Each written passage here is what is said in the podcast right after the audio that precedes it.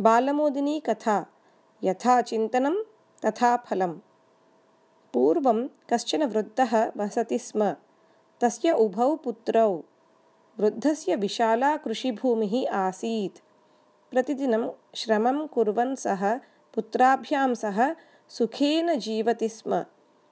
अथ कदाचित् सः नितराम् अस्वस्थः जातः।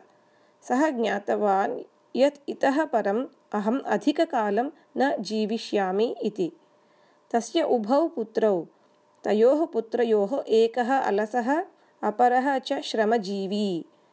पुत्रयोः एतं स्वभावं ज्ञातवान् वृद्धः अचिन्तयत्।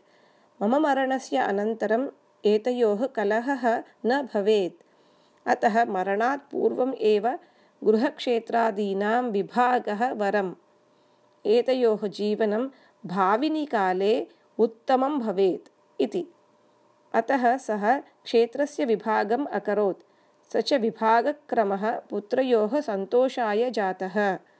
अतः वृद्धः तौ स्वसमीपम् आहूय जीवनं कथं भवेत् इत्येतं विषयम् अधिकृत्य यथाशक्तिबोधनं कृतवान्। छायायां चैव गन्तव्यम् आगन्तव्यं तथैव च मिष्टान्नं बो भक्षयेन्नित्यं ततो लक्ष्मीकृपा भवेत्। इत्येतं श्लोकं बोधयित्वा एतस्य अर्थम् अवगत्य तदनुगुणं जीवनं क्रियताम् इति उक्त्वा अचिरात् एव प्राणैः वियुक्तः अभवत्। पितुः विरहं प्राप्तवन्तौ तौ उभौ अपि सहोदरौ किङ्कर्तव्यमुक्तामूढौ सन्तौ कानिचन दिनानि यापितवन्तौ।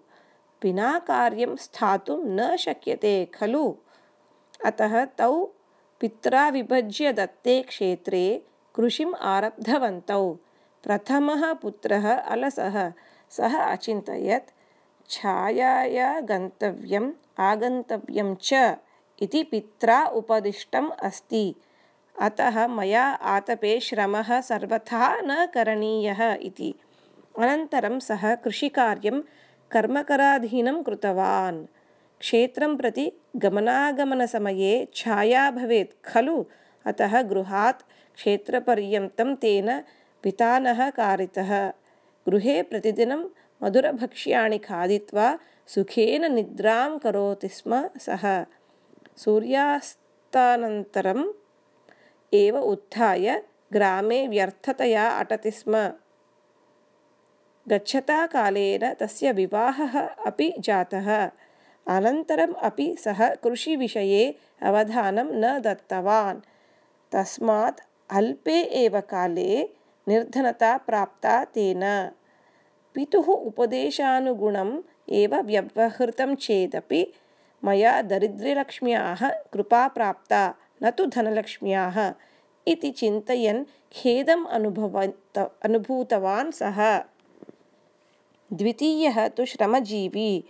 सः अचिन्तयत् छायायां गन्तव्यम् आगन्तव्यं च इत्यस्य अर्थः सूर्योदयात् पूर्वं कृषिक्षेत्रं गत्वा सायं सूर्यास्तानन्तरम् एव गृहं प्रति आगन्तव्यम् इति प्रतिदिनं मिष्टान्नं भक्षीयम् इत्यस्य तात्पर्यं श्रमं कृत्वा भोक्तव्यम् इति श्रमानन्तरं सेवितम् अन्नं मिष्टं भवति एव इति। एतदनुगुणम् एव सः जीवनम् आरब्धवान्।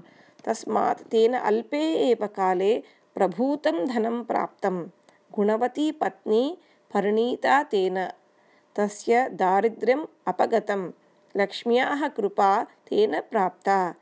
पित्रा बोधिता नीतिः एका एव। उभौ अपि पुत्रौ स्वमत्यनुगुणं तस्य अर्थम् अवगतवन्तौ।